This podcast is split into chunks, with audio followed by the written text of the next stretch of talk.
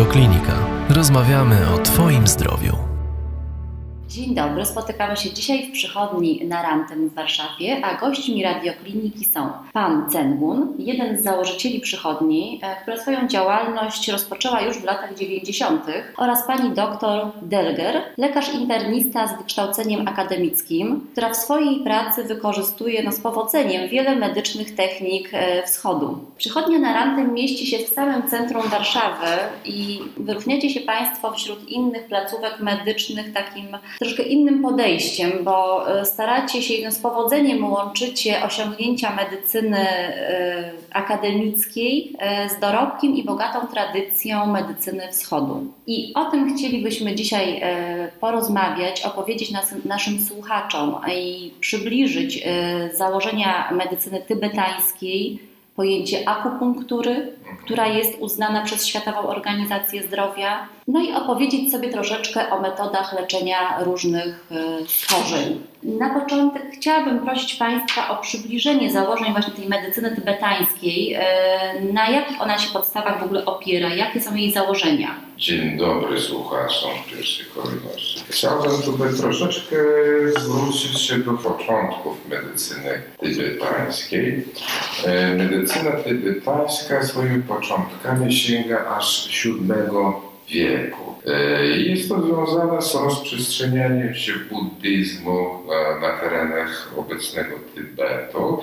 Mm, jednym słowem można uznać, że medycyna ajurwedyjska jest jakby taką protoplastą medycyny tybetańskiej. Nie można tylko mówić o medycynie ajurwedyjskiej jako źródłach medycyny tybetańskiej, ale należy tutaj wspomnieć również o różnych traktatach medycznych pochodzących z Chin, Nepalu i nawet z Persji. No i co tutaj należy niezwykle podkreślić, mamy do czynienia z starożytnymi medycznymi traktatami, czyli to są już źródła pisenne do których zawsze można po prostu kiedykolwiek się zwrócić, prawda, przeanalizować po prostu jeszcze raz i dowiedzieć się po prostu może nawet e, czegoś nowego. Jednym z najważniejszych e, medycznych traktatów E, tybetańskich, to jest traktat Juchi. E, ten traktat pochodzi z XI wieku i oczywiście, że jest to bardzo starożytny dokument, natomiast e, niektóre aspekty tego dokumentu są dotychczas niezwykle ważne.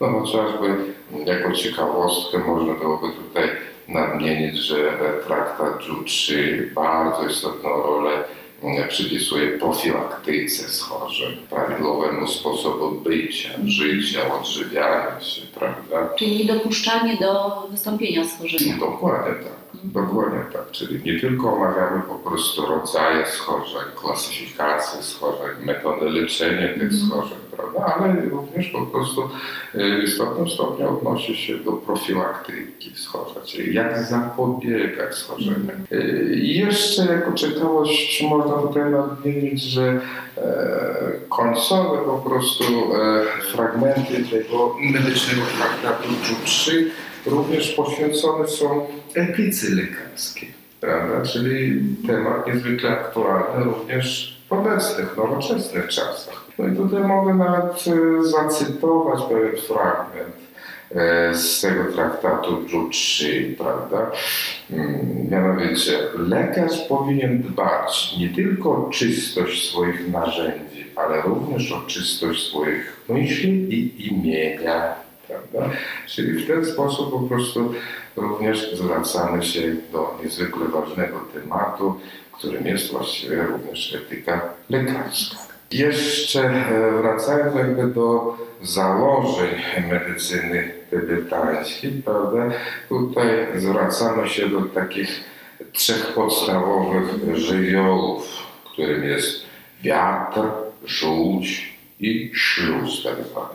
To są bardzo abstrakcyjne pojęcia e, jeżeli będziemy się na ten temat się rozwodzić, to przypuszczam, że w niektórych momentach nawet zabłądzimy. Natomiast to są żywioły, które e, jakby każdy z nas w sobie ma. U niektórych przeważa na przykład wiatr, u innych żółć, a u innych śluz, prawda? To są żywioły, z którego jakby składa się, można powiedzieć, ludzki organizm, prawda? I na równowadze tych trzech żywiołów właściwie opiera się zdrowie ludzkiego organizmu, prawda? Rozumiem, że jeżeli ta równowaga jest zachwiana, zostaje zachwiana różnymi czynnikami zewnętrznymi, wtedy występuje schorzenie. Do schorzenia, prawda? No i tutaj jeszcze przypuszczam, że należy wspomnieć o jednym takim e, istotnym aspekcie, e, ponieważ generalnie wschodnia medycyna, w tym medycyna tybetańska, uważana jest za tak zwaną holistyczną e, medycynę, prawda? I tutaj dostrzegamy istotną rację. Dlaczego? Dlatego, że podstawy medycyny tybetańskiej biorą się z buddyjskiej filozofii, prawda? A buddyjskie filozofie generalnie w gruncie swoim poszukuje e, tak zwanego oświecenia, prawda? E, szczęścia, czym jest szczęście ludzkie i tak dalej.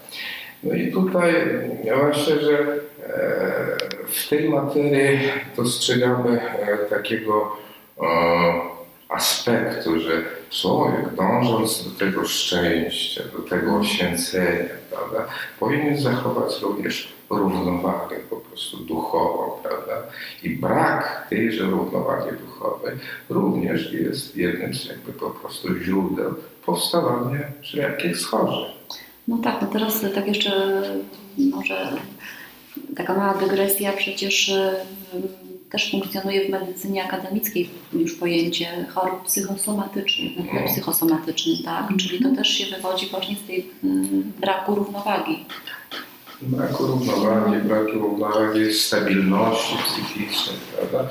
A tutaj powstaje pytanie, skąd bierze się ten brak równowagi, prawda? Czyli skąd to się bierze. No i tutaj jakby filozofia buddyjska też podpowiada, prawda? Czyli przede wszystkim, czy jakie rządzę. Za dużo czegoś chcę, prawda? lub pragnienie, prawda? lub po prostu chciwość, zmartwienie. To są właśnie te faktory, owszem, muszą występować w ludzkim organizmie. Człowiek nie jest zimnym kamieniem, prawda? Ale oczywiście w jakichś tam umiarach. I właśnie, że nadmiar właśnie, że tych zwanych trucizn duszy, o których przed chwilą wspomniałem, tak. prawda, jednak doprowadzają po prostu do braku równowagi i w ten sposób po prostu zaburzamy swoje jakby dążenie do oświecenia, do szczęścia, a co z kolei wpływa na powstanie różnych schorzeń.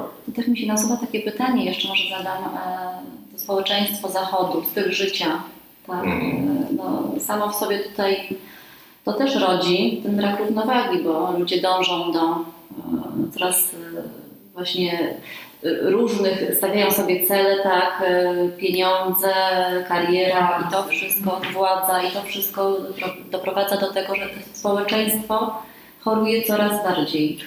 Absolutnie się zgadzam z Pani stwierdzeniem. Przy czym właśnie, że jako jedną z metod naszego terapeutycznego postępowania Uważamy, że właśnie, że należy z pacjentem również, e, jeżeli zechce oczywiście, tak. Mhm. rozmawiać o pewnych po prostu przyczynach, powodach, mhm. prawda? W tym również właśnie, że, że takiej pośpiech, dążenie po prostu za wszelką cenę do jakiegoś sukcesu w pracy, w biznesie, mhm. prawda? To wszystko doprowadza do tego, że tracimy tą równowagę, no i ulegamy wszelkim chorobom. Tutaj właściwie też taka dygresja. Pragnienie zdrowia, nadmierne pragnienie zdrowia też może doprowadzić do, do choroby. Dokładnie no to jest tak. takie twierdzenie. Czyli po prostu no. musimy umieć po prostu jednak odcinać się od pewnych po prostu zbytecznych emocji, nadmiaru stresu. Jest słuchać tego organizmu, a my nie słuchamy. Coraz mniej słuchamy. Więcej audycji na stronie radioklinika.pl